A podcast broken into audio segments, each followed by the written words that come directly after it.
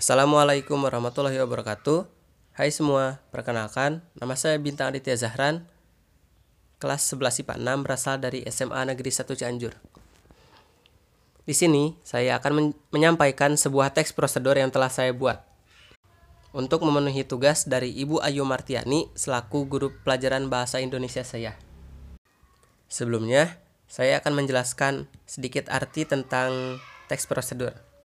Teks prosedur merupakan suatu teks yang berisi cara, tujuan untuk membuat atau melakukan sesuatu hal dengan langkah demi langkah secara berurutan. Nah, judul dari teks prosedur yang telah saya buat yaitu Cara mencuci tangan yang baik dan benar dengan tema aktivitas tertentu.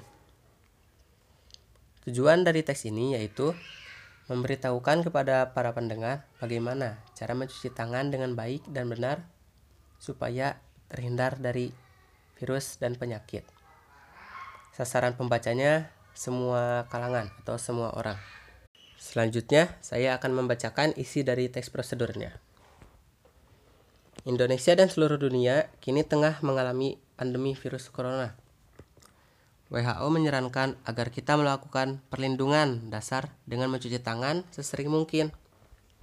Langkah ini dilakukan karena dengan mencuci tangan, secara teratur dan menyeluruh dapat membunuh virus dan kuman yang menempel pada tangan kita.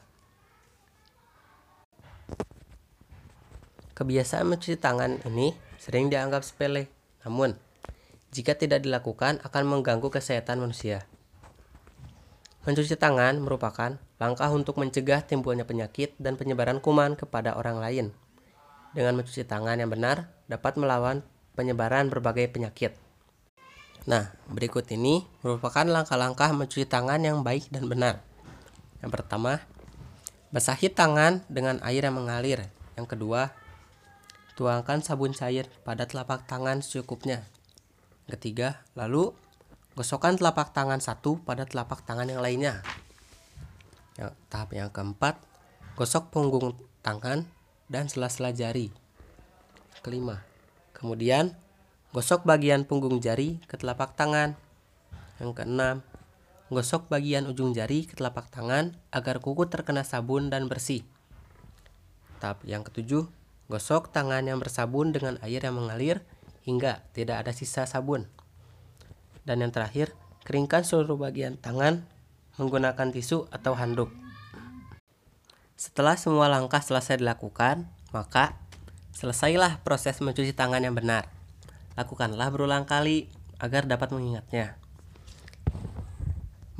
Mencuci, tangan sangat sangat dianjurkan apalagi saat masa pandemi corona seperti ini. Kini waktunya mencoba dan semoga berhasil. Mungkin cukup sekian teks prosedur yang telah saya buat. Mohon maaf bila banyak kekurangan. Wassalamualaikum warahmatullahi wabarakatuh.